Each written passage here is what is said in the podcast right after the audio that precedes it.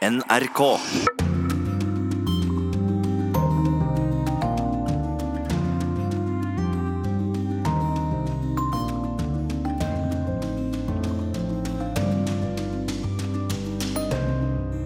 Velkommen til Urix på lørdag.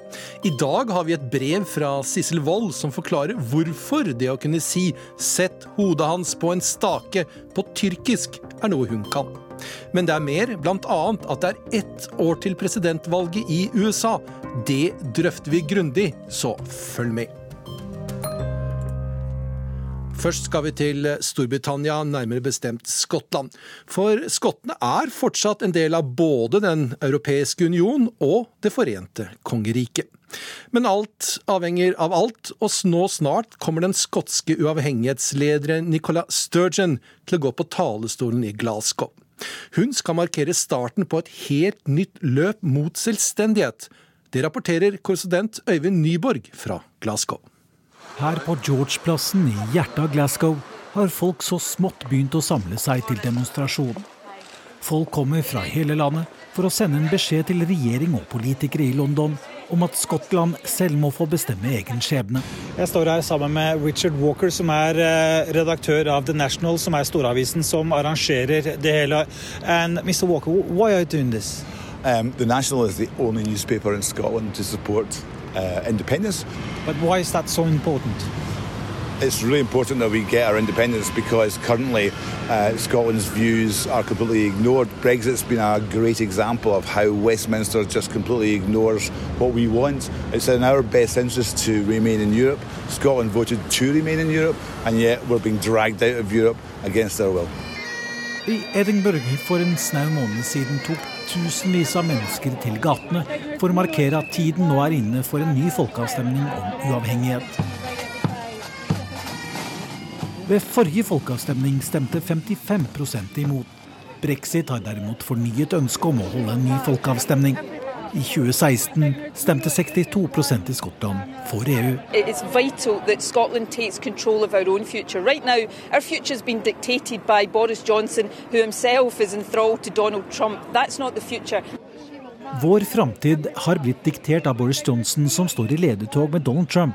Jeg tror majoriteten i Skottland ser at vi kan få en bedre framtid hvis vi blir uavhengige, sier Skottlands førsteminister Nicola Sturgeon fra det skotske nasjonalistpartiet. We can have a better future by being independent, and that's one of the big issues that's on the line at this election. Sturgeon holder tale til demonstrantene her i Glasgow senere i dag.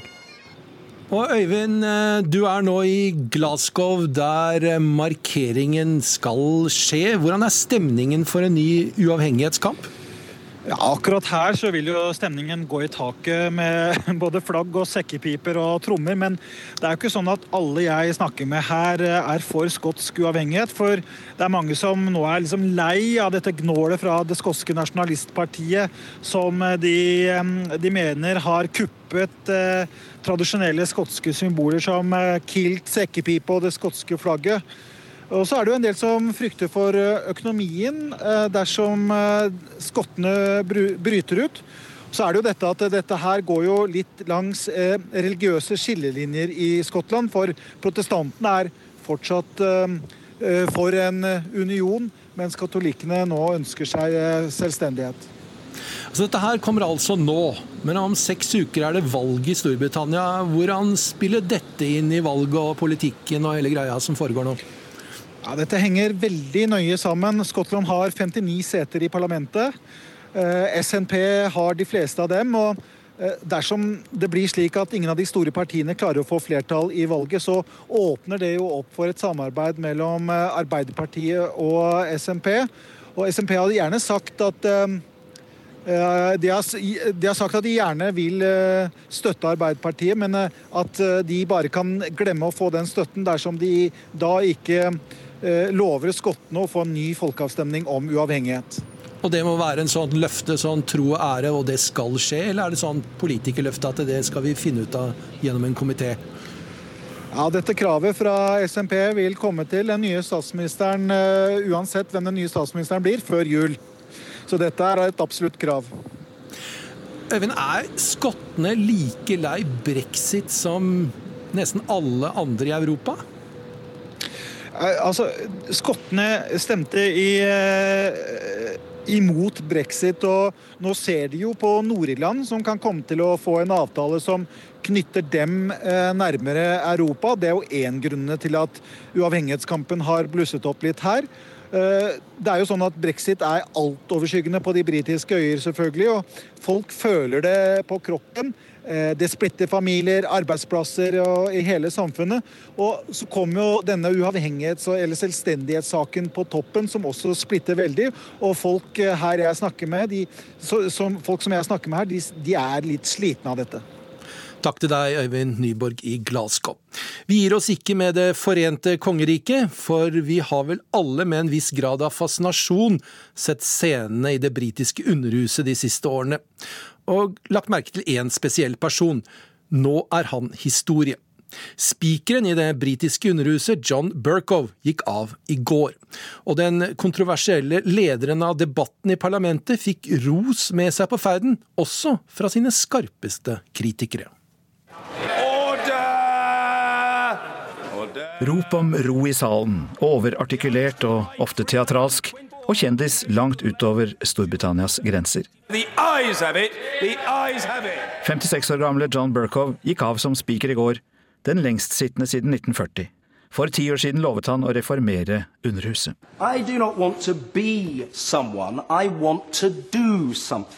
Men også omstridt. Burkow lovet familien å gå av nå, men vi vet også at partiet han tilhørte før han ble nøytral spiker, de konservative, truet med å stille en motkandidat i hans krets ved neste valg.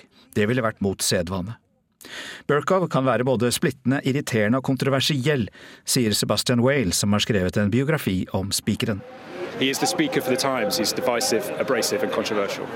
Whale forteller til Associated Press at kortvokste Burkow, sønn av en taxisjåfør fra London, gikk på vanlig skole der han ble mobbet.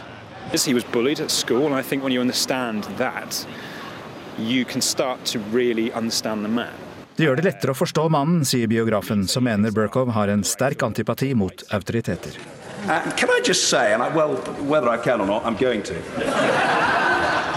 Men av tidligere medarbeidere i Underhuset har Burkow selv blitt beskyldt for mobbing, noe han avviser på det sterkeste.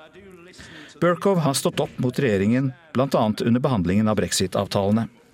And I will not be pushed around by agents of the executive branch. Han er blitt beskyldt for å være partisk.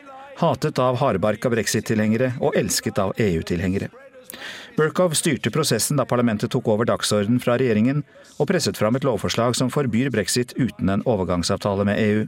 Han vant kampen mot Boris Johnson-regjeringen da de sendte parlamentet i permisjon i fem uker foran dronningens trontale, såkalt prorogation.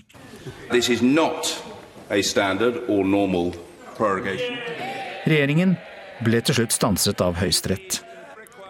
Burkov har støttet backbenchers, gitt ordet til dem som verken er i regjeringen eller i opposisjonens skyggeregjering. Det forteller samfunnsforskeren Bronwen Maddox ved Institute for Government. Calling on more backbenchers to speak. Um, backbenchers of all kinds could get up and have their say. Men de som opponerte mot ham, har fått høre det. Me, Et yngre parlamentsmedlem blir vist ut med arkaiske uttrykk som 'sedentary position', sittende stilling, og 'pettifogging', som er trivialiteter.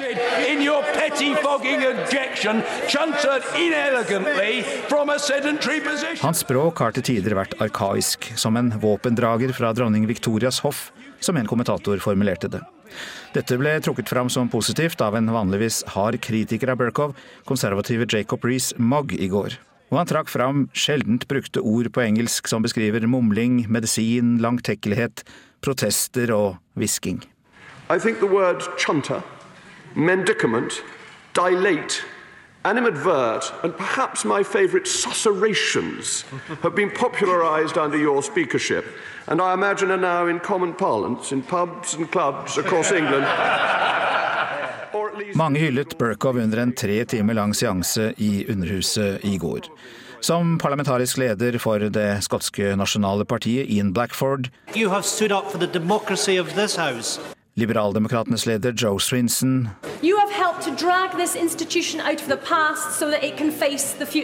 og Labours Jeremy Corbyn.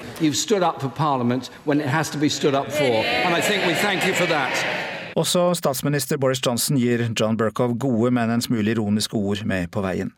Peppering every part of the chamber with your own thoughts and opinions, like some tennis ball machine, some uncontrollable tennis ball machine, Mr. Speaker, delivering a series of Han har pepret parlamentet med sine egne tanker og oppfatninger som en ukontrollert automatisk ballmaskin på en tennisbane, sa Johnson. Men det er ingen tvil om at du har tjent Underhuset vel, sa Johnson til slutt. You have been a great servant of this parliament and of this House of Commons. Ja, Det var Øystein Heggen som hadde laget dette portrettet av John Burkov, og det er sju parlamentarikere som har meldt seg på i kampen om spikerjobben. Om et år, et døgn og en time åpner de første stemmelokalene i USA. Da skal befolkningen bestemme hvem som skal ha den politiske makten. Men mye skal skje frem til da, og valget skal skje i et land der demokratiet kjemper for livet, melder Anders Magnus fra Washington DC. USA har tre store utfordringer. Polarisering og uforsonlig politisk debatt. Uh, allies. Færre og færre er villige til å lytte til politiske motstandere. Tidligere har uskrevne normer beskyttet det politiske liv mot hat og råskap. Nå blir slike normer brutt hver eneste dag.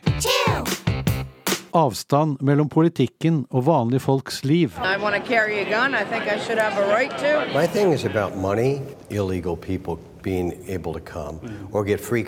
Store grupper av amerikanere føler at de folkevalgte ikke tar hensyn til deres behov og problemer. Det gjør dem villige til å eksperimentere med kandidater som ikke setter demokratiets verdier i høysetet.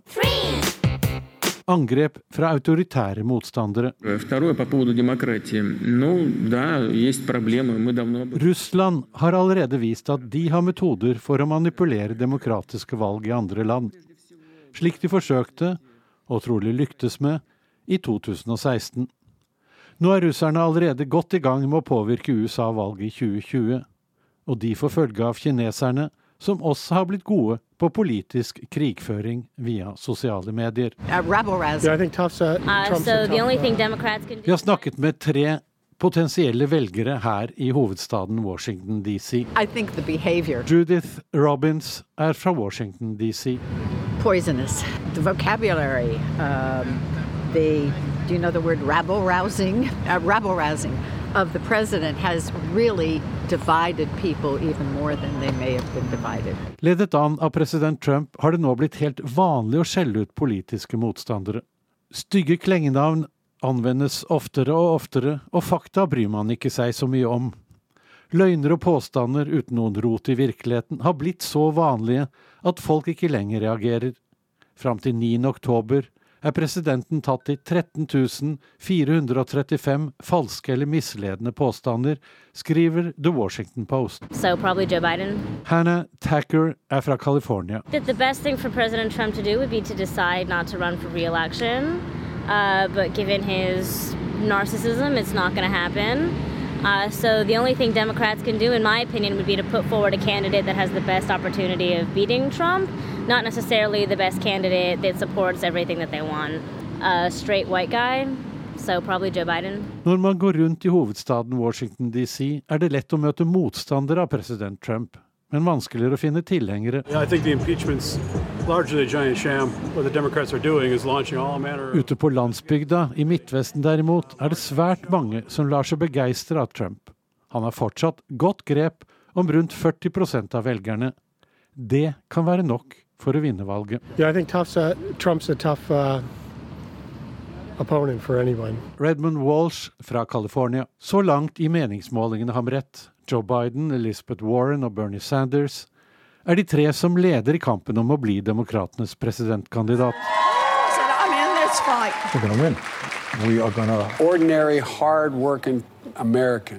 For hele USA under ett ligger alle tre godt foran sittende president Donald Trump på meningsmålingene.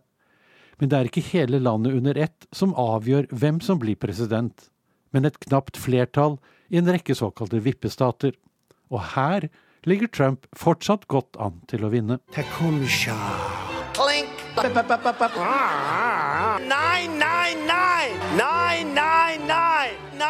Opplyste statsmenn vil ikke alltid være ledelsen, skrev James Madison under debattene før den amerikanske grunnloven ble undertegnet i 1787. Man kunne kanskje tro at han var clairvoyant, klarsynt.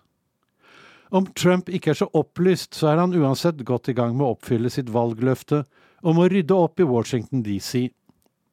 På veien dit er han også i ferd med å rykke opp en del av pilarene under demokratiet. So han gjennomfører tre viktige angrep. For det første mot institusjonene. Både domstoler og folkevalgte organer som Kongressen er under stadig angrep fra presidenten dersom det ikke handler til hans beste. For det andre sikkerhetsapparatet. Trump og hans tilhengere refererer ofte til sikkerhetstjenester som det føderale politi, FBI, og etterretningsorganisasjonen CIA, som deler av The Deep State. En konspirasjonsteori går ut på at godt organiserte elementer i sikkerhetsapparatet er presidentens fiender og jobber i skjul for å fjerne ham. Of, of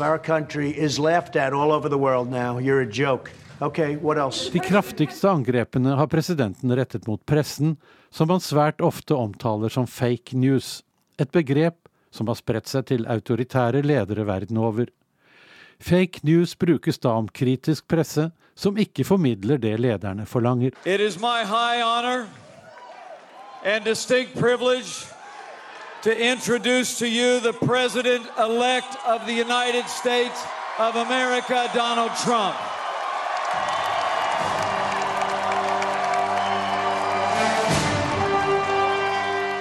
USAs valg om ett år vil avgjøre om landet fortsetter den kursen man har lagt ut på etter at Donald Trump overtok som president i 2017. Valget vil også kunne virke sterkt inn på utenrikspolitikken. Om splittelsen over Atlanteren vil øke og Nato-alliansen slå sprekker. Men det kan vi komme tilbake til dersom Donald Trump blir gjenvalgt om ett år. Det politiske USA er altså mer splittet enn noensinne. Og kveldsshowene på TV bidrar sannsynligvis, for de har én ting felles. Latterliggjøring av president Donald Trump går som en rød tråd kveld etter kveld. Trump is just a weird, weird man. He's like an alien who learned to mimic human behavior, but didn't do all the homework. Like when he was giving out Halloween candy at the White House, and for some reason, decided to put some on top of a kid's head. Oops. How dumb is this guy? I mean, he's so dumb.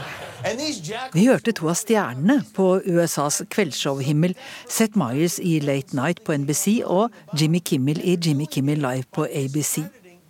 Trump er bare en snål mann som har lært å etterligne menneskelig atferd, sa Meyers etter at presidenten hadde lagt en sjokolade på hodet til et halloweenutkledd barn. Hvor dum er egentlig denne fyren? Han er bare så dum, sier Kimmel om presidentens samtale med Ukrainas president, der han ba om hjelp til å etterforske Joe Biden, en av Trumps potensielle motkandidater i presidentvalget. Dette er typisk for tonen i de store kveldsshowene på amerikanske TV-kanaler for tiden. Alle programlederne tilhører venstresiden, og alle bruker de mye av sendetida på å gjøre narr av presidenten. Her kommenterer Stephen Colbert i The Late Show på CBS Trumps tilstedeværelse på en viktig baseballkamp sist helg. Late today, we learned that Trump will be attending the World Series on Sunday. Of course, keep in mind, keep in mind, we don't know for sure if it'll last that long. Trump's presidency, I mean. Colberts satiriske monologer handler svært ofte om politikk, og Trump er nesten alltid hovedpersonen. Her er en kommentar til at Det hvite hus ga beskjed om at presidenten ikke ville gjøre noe for å bidra til Kongressens riksrettssak mot Trump. Trump's strategy on a lot of things is just to pretend it doesn't exist. Uh, the popular vote, uh, the Constitution, I forrige uke drepte amerikanske spesialsoldater IS-lederen Abu Bakr al-Baghdadi. Få amerikanere sørget over det, men i kveldsshowverdenen høstet ikke Trump mye ære. I don't know, but there's no way the military told him what day this raid was happening, right? Because he immediately would have tweeted, "Guess what's going on?" I mean, Så var det spørsmålet om hvordan presidenten kunne vite at al-Baghdadi klynket og gråt. You mentioned whimpering. Could you hear that on your video hookup? The whimpering of uh, Baghdadi. Uh, I don't want to talk about it, but uh, he was screaming, crying, and whimpering. all right, so he probably, maybe he imagined that. I don't know. The defense secretary and the chairman of the Joint Chiefs of Staff said they didn't hear whimpering. Maybe he was hearing Mike Pence whimpering in the corner. Is that possible? Kimmel mener at klynkingen bare var noe presidenten forestilte seg, ettersom den ikke ble bekreftet av verken forsvarsministeren eller forsvarssjefen. Colbert hadde en litt annen vinkel. I would also like to congratulate President Donald J. Trump. But he just makes it so damn hard. Jeez. Because when he broke the news yesterday morning, Trump's entire press conference was about himself. From the first day I came to office, and now we're getting close to three years, I would say, Where's al Baghdadi? I want al Baghdadi. They'd come in, Sir, we have somebody under. I said, I don't want somebody. I want al Baghdadi. That's the one I want. Yes, Trump was was obsessed. You might say he had al-Baghdadi issues.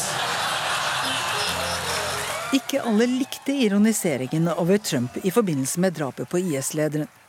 Redaktøren for politikknettstedet 538, Nate Silver, tok til Twitter.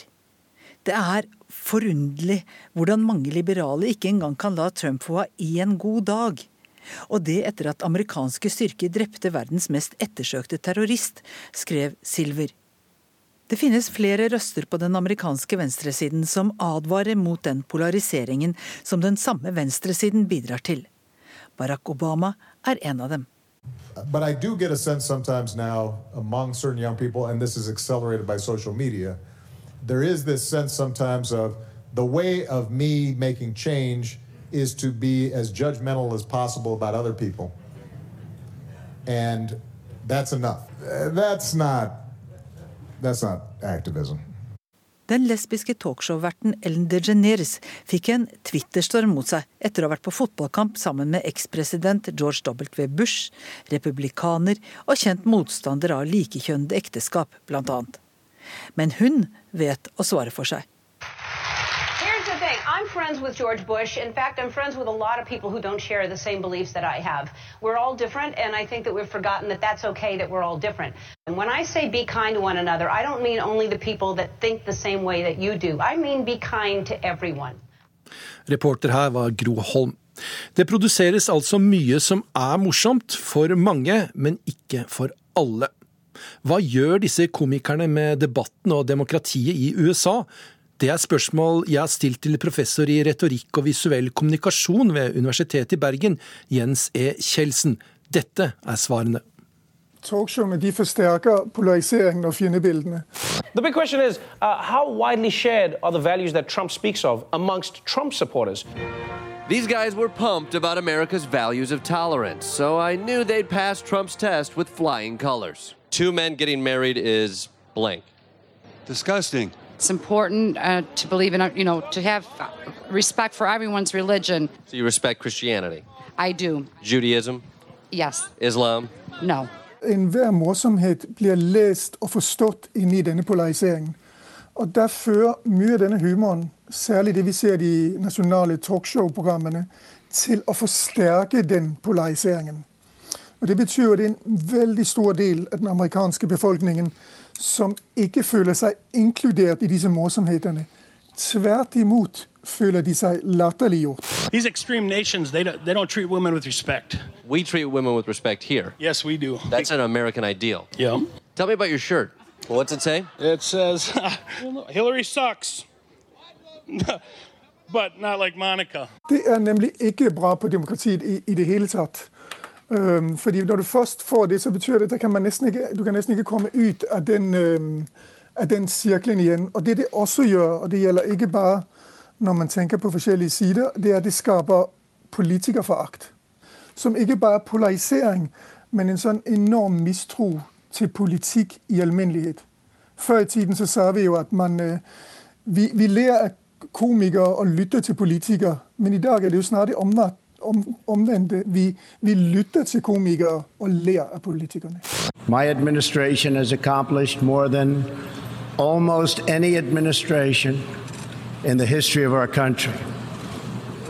America's so true.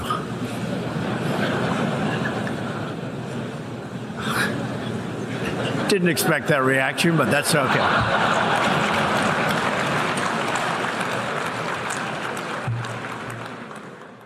Uansett du, om du hører til den ene eller den andre siden, så er det generell lav tillit til politikere og nesten uttalt fiendtlighet til enhver form for motstander. Og Det betyr at alt blir lest inn i polariseringsbildet. Og det er jo, jo åpenbart det er et problem.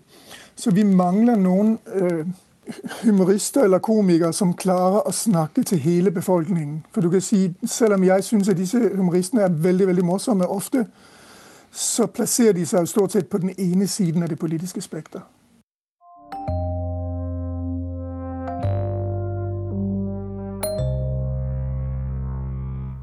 Så har vi kommet fram til brevet. Det er fra Sissel Wold i Istanbul. Det handler om såkalt myk makt, og hvorfor Sissel vet hva uttrykket 'sett hodet hans på en stake' er på tyrkisk. Tyrkisk er ikke lett å lære, og de to siste årene har jeg testet ut flere metoder for å få inn mest mulig av dette annerledesspråket. Den siste strategien er å se tyrkisk TV-drama. Så siden januar har jeg brukt timevis på det påkostede historiske dramaet Dirillers Erturul. Det handler om nomadehøvdingen og krigeren Erturul, som var far til Osman, han som ble den første sultanen i det osmanske riket. Men nå, åtte måneder og 450 episoder senere, forstår jeg at jeg nok har valgt feil serie. For mitt nye ordforråd begrenser seg til nomadeliv og hellig krig mot mongoler og korsfarere på 1200-tallet. Det hele begynte i vinter, da fotografen og jeg laget reportasje om hvorfor tyrkisk TV-drama er blitt så populært ute i verden. Vi skulle besøke en kurdisk familie i Irak som var hekta på serien om, ja nettopp, klanlederen som banet veien for et verdensimperium. Kvelden før slo jeg på PC-en for å undersøke hva dette var for noe. Etter første episode måtte jeg se en til, og så enda en til. Og kvelden etter måtte jeg jammen se mer. For her var fryktløse krigere og sterke kvinner, og alle sloss med sverd. Samtidig var de familiefolk som forsøkte å overleve i teltleirene sine, mens mongoler og korsfarere herjet rundt dem. Til tross for de ytre fiendene lå også de mange tyrkiske stammene i krig med hverandre. Her var intriger og svik, men også kjærlighet og sorg. Alliansene skiftet i ett sett, ikke helt ulikt det vi ser i dagens Syria. Hjemme hos den kurdiske familien satt vi i sofaen og så Autorul svinge sverdet i nærkamp med svartkledde mongoler. Da vi intervjuet familien, oppdaget vi at tenåringen i huset snakket flytende tyrkisk. Det hadde hun lært av å se på tyrkiske serier, fortalte hun. For en god idé! Nå skulle nomadene bli mine nye tyrkisklærere. Jeg noterte ned de ordene jeg hørte oftest. Katil, morder. Dushman, fiende. Intikam, hevn. Seni uldurejam, jeg skal drepe deg. Men også Gud, gi hestene våre styrke. Med Google Translator forsto jeg stadig mer av hva nomadene og korsfarerfiendene deres sa. Jeg håpet å kunne konversere litt på tyrkisk etter de fem sesongene. Tyrkisk drama er for alvor på vei ut i verden. Innen internasjonal TV-distribusjon ligger Tyrkia nå på annenplass etter USA. Gjennombruddet kom i 2011 med kostymedramaet om Suleiman den store, sultanen som regjerte på 1500-tallet, da det osmanske riket var på sitt aller mektigste. Magnificent Century, det storslåtte århundret, hadde alt. Makt, politikk, kjærlighet, sjalusi og hat. Vi ser kvinnene i haremet kjempe om å bli sultanens favoritt. Men det var den skarpsindige slaven fra Ukraina, Roxelana, som knuste glasstaket i haremet. Hun var den første kvinnen en sultan giftet seg med, og Hurrem, som hun er kjent som, ble en av verdens mektigste i sin tid. Magnificent Century er vist i 55 land og sett av over 500 millioner. Den åpnet veien for andre tyrkiske TV-serier. Siden jeg ikke greier å slutte å se på Midtøstens Game of Thrones, som Dirillers Autorul kalles, lurer jeg på hvorfor de tyrkiske seriene er så avhengighetsskapende. Tyrkerne elsker drama, og serieskaperne dveler ved sterke følelser. Hovedpersonene viser hele registeret, fra sinne, fortvilelse og glede til dyp sorg. Derfor er de lette å identifisere seg med. Dialogen er lett å følge, og den vedvarende spenningen fanger seerne. Venezuelas president Nicolas Maduro var så begeistret for Dirillers Autorul at han besøkte filmsettet utenfor Istanbul, der han fikk prøvesitte høvdingtronen av saueskinn i teltet. For de siste årene har nomadekrigerne fra 1200-tallet også erobret Latin-Amerika, Asia og Netflix. Dette er Tyrkias soft power. Millioner verden over kjenner tyrkisk historie, kultur og språk nå. For Tyrkia fyller et behov for noe annet enn bare vestlige serier. President Erdogan hyller storhetstiden under osmanerne og ønsker som dem å ha innflytelse utover Tyrkias grenser. Men han likte ikke Magnificent Century. Å se sultanen drikke vin, kysse kvinner og gå til sengs med dem, det ble for mye for konservative tyrkere som Recep Tayyip Erdogan. Erdogan og hans krets ville ha nye serier laget etter en ny oppskrift. Og i 2014 kommer nomaden Autorul ridende inn i de tusen hjem på sin hvite hest. I teltet hans drikker ingen vin. Det er bare de onde korsfarerne som drikker alkohol her. Ingen menn kysser kvinnene sine på munnen, bare på pannen. Krigerne er lojale mot Erturuls mål å kjempe en hellig krig for å grunnlegge et tyrkisk rike. Bare man er rettferdig, kan man erobre de kristnes land og regjere over hedningene, er tanken. Og det er Allah som gir dem styrke. I notatboken min fortsatte jeg å skrive ned. Hold sverdene deres skarpe alltid. Jeg skal ta forræderens hode og sette det på en stake. Gjør klar hestene. Men, tenkte jeg, når kan jeg bruke disse setningene? Mens jeg snakket på mitt meget enkle tyrkisk med en bekjent, brukte jeg ordet imdi, som betyr nå. Imdi, gjentok hun overrasket. Det er et veldig gammeldags ord, hvor har du hørt det? På Dirillers autorull, sa jeg. Ah, Ser du på den nasjonalistiske propagandaen? Det er da ingen oppegående folk her som ser på dette. Men jeg liker historie, svarte jeg. Og miljøskildringene er flotte. Skuespillerne er gode. Og det er jo så spennende.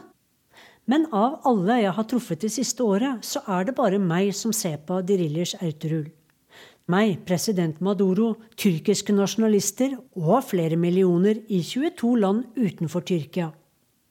Da Tyrkia nylig gikk til krig mot de kurdiske militsene i Nord-Syria, fikk jeg bruk for noen av glosene. Men ellers er jeg redd for å bruke ord som høres veldig rare ut, eller å si noe som blir helt feil.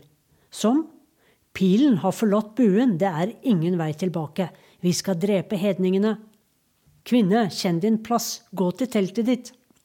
Kanskje jeg må lete etter en annen serie? Nå ukens podkast, også om USA. Kan republikanerne felle Trump? er spørsmålet Tove Bjørgaas stiller. Hva tenker egentlig de mektigste republikanerne i USA om president Trumps politiske framtid nå? Og om sin egen politiske framtid? Demokratene planlegger jo å stille Trump for riksrett så fort de kan, pga. telefonsamtalen med Ukrainas president men det er det republikanske flertallet i Senatet som må dømme ham. Og i så fall må 20 republikanere snu seg mot presidenten. Kan det i det hele tatt skje? Du hører på Krig og fred med Tore Moland og Tove Bjørgaas.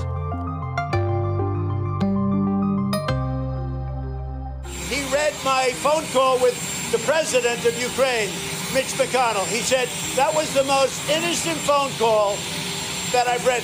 The president has said that you told him that his phone call with the Ukrainian president was perfect and innocent. Do you believe that the president has I- I handled this haven't- Ukrainian I- situation perfectly? We've not had any conversations on that subject. So he was lying about that? You'll have to ask him. I, I don't recall any conversations with the president about that phone call. Flertallet i Senatet er viktigere for eh, Mitch McConnell enn å redde Trump. Dette er jo flertallslederen i, i Senatet, eh, republikaner fra Kentucky, eh, og er kjent som en eh, fremragende politisk taktiker. Jeg er Svein Melby, seniorforsker ved Institutt for forsvarsstudier, tidligere Norsk utenrikspolitisk institutt, og har i en menneskealder omtrent arbeidet med amerikansk utenriks- og sikkerhetspolitikk, og også amerikansk innenrikspolitikk. God morgen, Lillehammer. Hallo, ja. Ja. Så flott. Hvordan går det med jetlagen? Å, du, eh, sånn passelig. Det er ikke så verst. Det var ikke så lang tur denne gangen, så det går litt fortere tilbake til det normale. Du kom tilbake, for du har akkurat vært i, USA. USA. Kom tilbake for et par dager siden. Hvordan opplevde du stemningen der akkurat nå?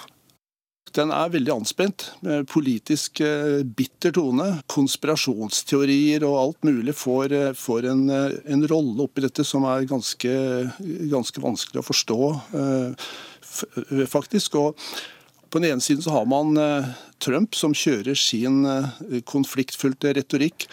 Og så må man også si at eh, media i USA er eh, De har jo alltid vært eh, disse nyhetskanalene vært politisert, men det har gått ganske mye lenger nå. Og, man har på den ene siden Fox News, som kjører jo den replikanske og Trump-linjen. Og også MSNBC på den andre siden, og så litt midt imellom har man CNN.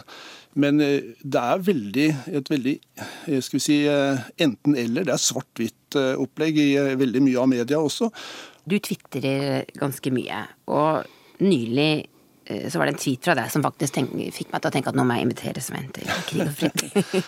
ja, da, da tvitret du at når det gjelder riksrett og senatet, så er Mitch McConnell mannen å følge.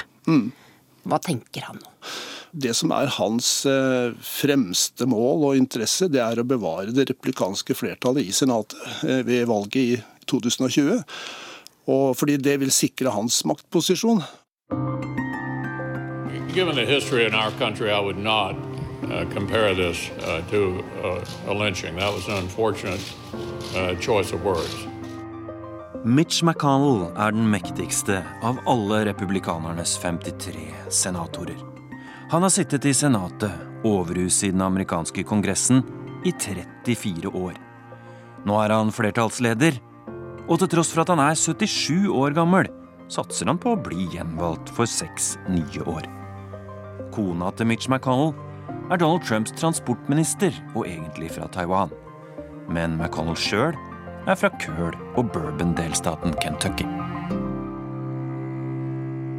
Så han har en direkte interesse i, i dette her. Og eh, det er derfor jeg skrev i denne Twitteren at eh, hvis denne riksrettsprosessen skulle utvikle seg på en sånn måte at eh, Trump blir en, utgjør en trussel mot replikansk, fortsatt replikansk flertall i Senatet, så, så kan McConnell eh, komme til å eh, skal vi si, gjøre det mulig for replikanere å stemme med demokratene i en eventuell riksrettsavgjørelse i Senatet. Hva er det du tror må til for at de skal kvitte seg med? Jeg tror nok eh, at det må til eh, mer av klare bevis for at presidenten har presset Ukraina for å drive etterforskning og offentlig gå ut med at de etterforsker Bidens eh, og sønnens eh, anliggende i Ukraina, og, at han presset dem for å da gjøre dette mot å gi eh, denne militære økonomiske assistansen som jo Kongressen hadde vedtatt, men som han holdt tilbake. Så hvis det er klare beviser for det, blir det nok vanskelig eh, for republikanere å stemme for at eh, Trump skal overleve, eller stemme mot en fellende dom. Men eh, vi er nok ikke der ennå. Jeg tror kanskje det som ville være avgjørende, var om sentrale medarbeidere til Trump, som f.eks. daværende sikkerhetspolitisk rådgiver John Bolton, hvis han kommer i i eh, høringer i denne prosessen og eh, forteller i klartekst at det var akkurat dette som skjedde, så tror jeg det at eh, republikanerne nok kanskje, og McConnell, vil skjønne at dette er en så vanskelig sak at man ikke har noe annet valg. Men kan vi ikke bare ta et skritt tilbake? Bare forklare for, for oss. Hva er det som er rollen til Senatet i denne riksrettsprosessen? Nå er det altså Representantenes hus som har startet mm. etterforskningen. Ja. I Senatet så har republikanerne flertall. Ja, altså Prosessen er jo at eh, det er eh, Representantenes hus som tar eh, forundersøkelser, og som eventuelt reiser en riksrettssak mot presidenten med da noen tiltalepunkter. Så Får man flertall for å reise riksrett, så kommer selve saken opp i Senatet. Det er de som da skal dømme presidenten fra embetet, eller velge å la han sitte. Og Det må jo da to tredjedels flertall i Senatet til for å få en fellende dom. Så 67 senatorer må stemme for eh, å avsette presidenten. Og hvor mange republikanere må da sagt, ja, hvis, vi, hvis vi, tror eh, at samtlige demokrater stemmer for å, å, en fellende dom over Trump, så har de 47 eh, per i dag, og de trenger da 20 republikanere med seg for å få til det nødvendige 67. Oh, what a beautiful morning. Oh, what a beautiful day. God morgen. Oklahoma. God morgen, Oslo. Hva ser du ut av vinduet? Der ser jeg en helt svart. Det er mørkt. Sola har ikke stått opp. Men hvis sola hadde stått opp, så ville jeg ha sett en stor hage, og så ville jeg ha sett et lekehus i et tre. Men er vi på prærien nå, eller? Ja, vi er på prærien. Vi er på den ordentlige cowboyprærien. Det er helt flatt, og eh, det er mye støv. Da jeg flytta til USA, så, så var det omtrent som å flytte inn i en film, for alt så jo ut sånn som det gjorde på film. Og når jeg flytta til Oklahoma, så var det omtrent som å flytte inn i en westernfilm. Jeg heter Ole Egil Andreassen. Jeg bor i Norman, Oklahoma. Og her er jeg sjef for et oljeselskap, og eh, så er jeg akademiker. Jeg jobber for Universitetet i Tromsø eh, som førsteamanuensis i juss og økonomi. En litt uvanlig kombinasjon, kanskje? Det er nok en uvanlig kombinasjon. Um, jeg har vært så heldig at jeg jeg har muligheten til å reise mye tilbake til, til Norge og undervise litt nå og da, og, og syns det er, er, veldig hyggelig. Du må forklare dette for meg. Altså, vi eh, studerte sammen for mange år siden, det kan jeg jo røpe for, for lytterne etter krig og fred. Men hvordan i all verden havna du i Oklahoma?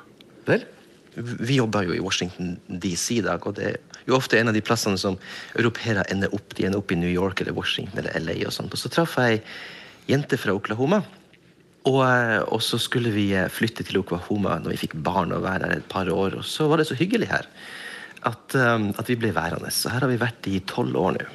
Men du leder altså et, et oljeselskap. Hva, hva, innebærer det å være sjef for et oljeselskap i Oklahoma? Vel, Oljeindustrien i USA um, er ikke dominert sånn som i Norge av, av ett stort eller noen store selskap. Det er mange små selskap her som som um, mange familieselskap, mange små selskap. Og uh, det er litt, litt, lettere å bore etter olje i Oklahoma enn i Nordsjøen.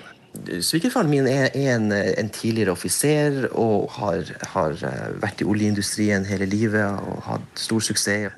Er det sånn at uh, helt vanlige bønder kan bli veldig rike hvis de finner uh, olje på jorda si? Ja, det er mange bondefamilier som har blitt eh, storkapitalister av å tilfeldigvis ha olje under, eh, under gården sin.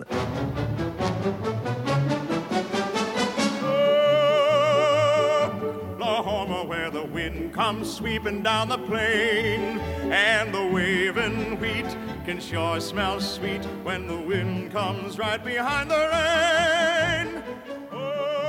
Det er ikke mange amerikanske delstater som har sin egen musikal, men det har Oklahoma. I Rogers og Hammersteins Oklahoma fra 1943 blir vi kjent med nybyggere på den forblåste prærien.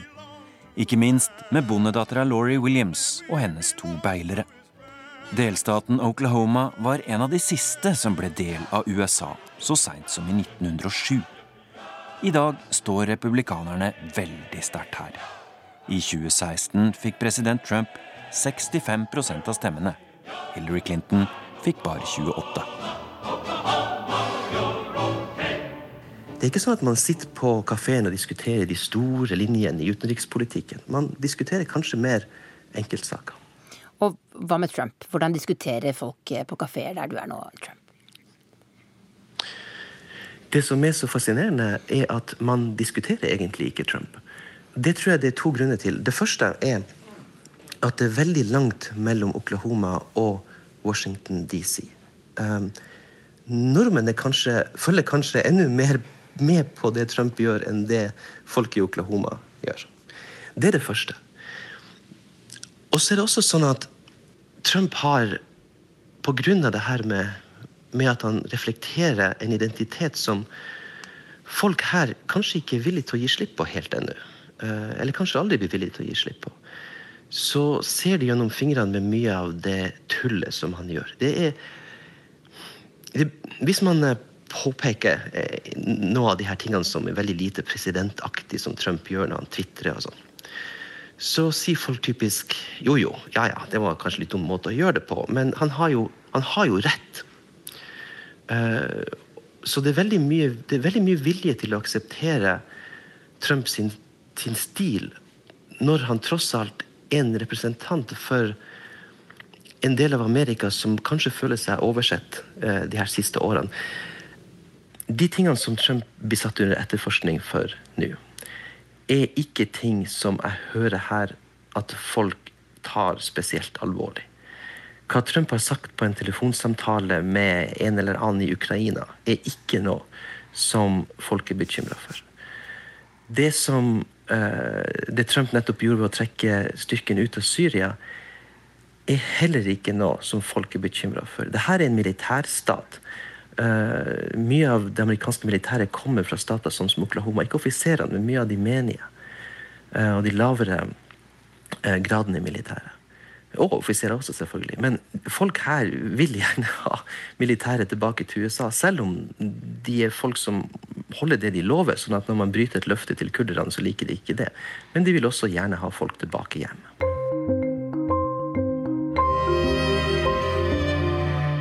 I'm gathered here with dozens of my congressional colleagues underground in the basement of the Capitol because if behind those doors they intend to overturn the results of an American presidential election, we want to know what's going on.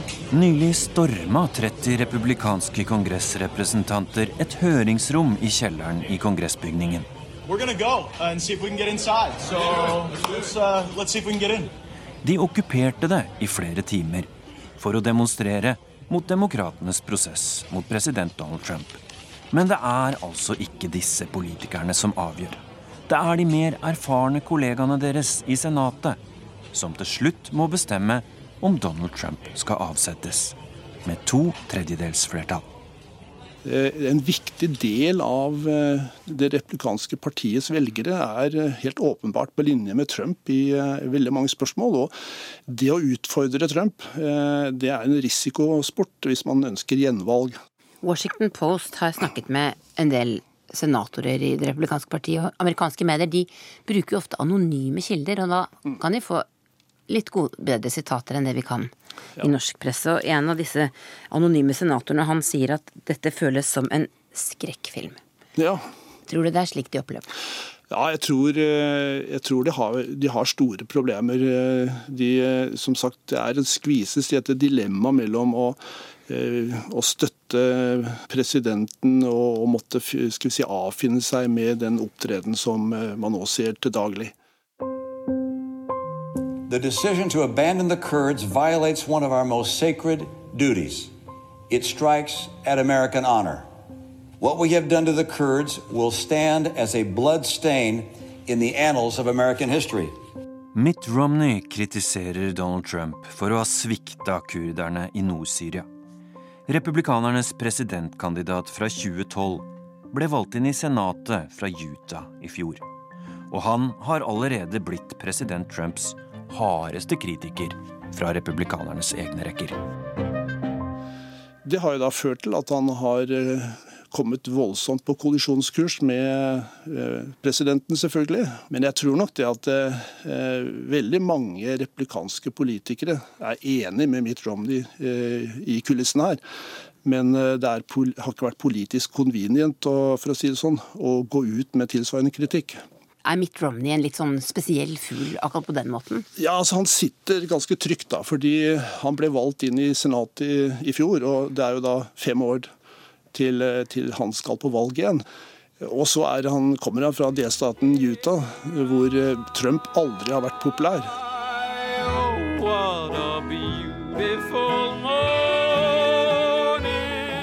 Er folk stolte av den musicalen som er blitt oppkalt etter, eller som handler om delstaten deres? Ja, uh, musicalen Oklahoma er jo enda et, et godt uh, uttrykk for den, den, den uh, polariseringa som skjer i USA. Fordi at folk er veldig stolt av musicalen, var veldig stolt av musicalen. Og nå kom det en ny produksjon som ble lagd i New York av, av folk fra kysten, da, som er en sånn progressiv take på, på Oklahoma. og den har jeg ennå ikke møtt noen her som syns er spesielt representativ for det Oklahoma er.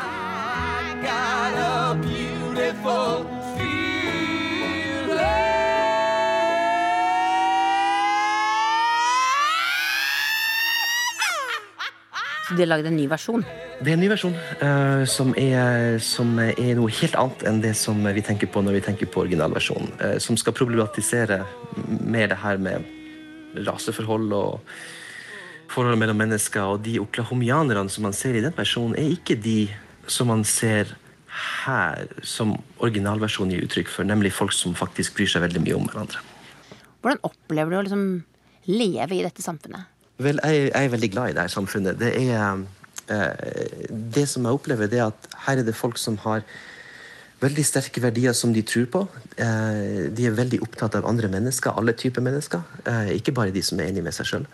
Eh, de er opptatt av noen grunnleggende verdier, sånn som individets frihet. og Det som er utfordringa mi, eh, er å forstå hvordan de tenker, og hva som er viktig for dem.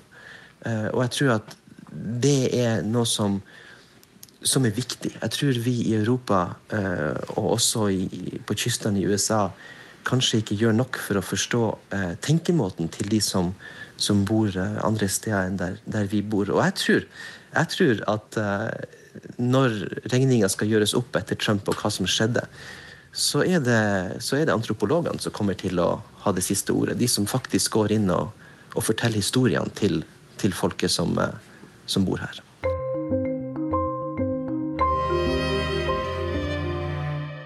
Svein Melby, hvis du skulle sette penga dine på noe ja. Riksrett eller ei, hva tror du?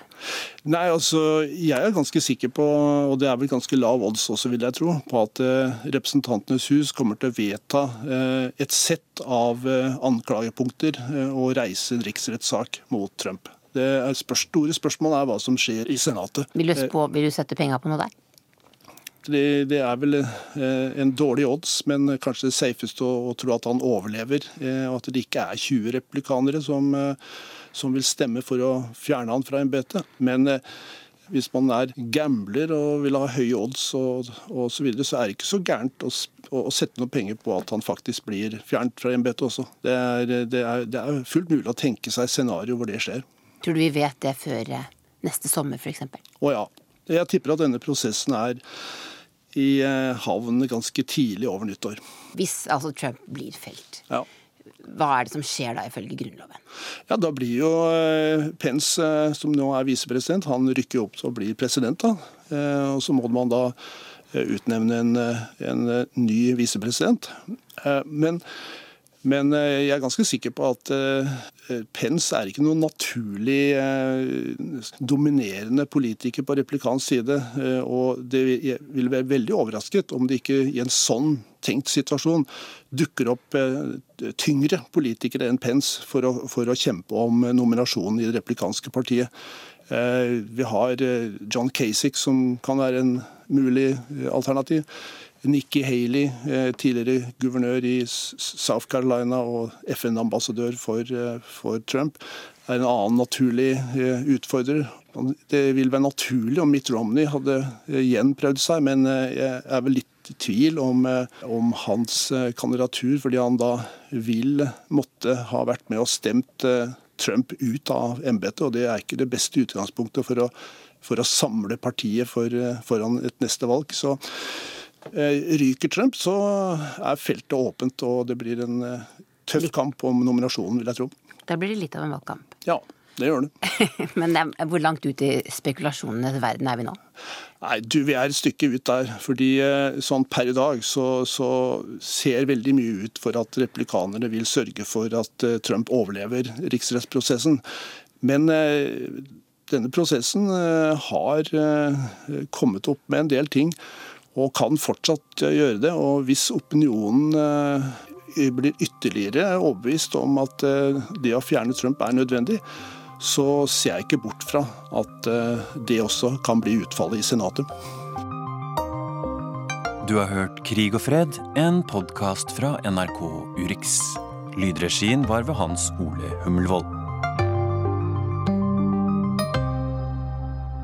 At some point, I'm going to be so presidential that you people will be so bored, and I'll come back as a presidential person they'll say, but boy, he really looks presidential.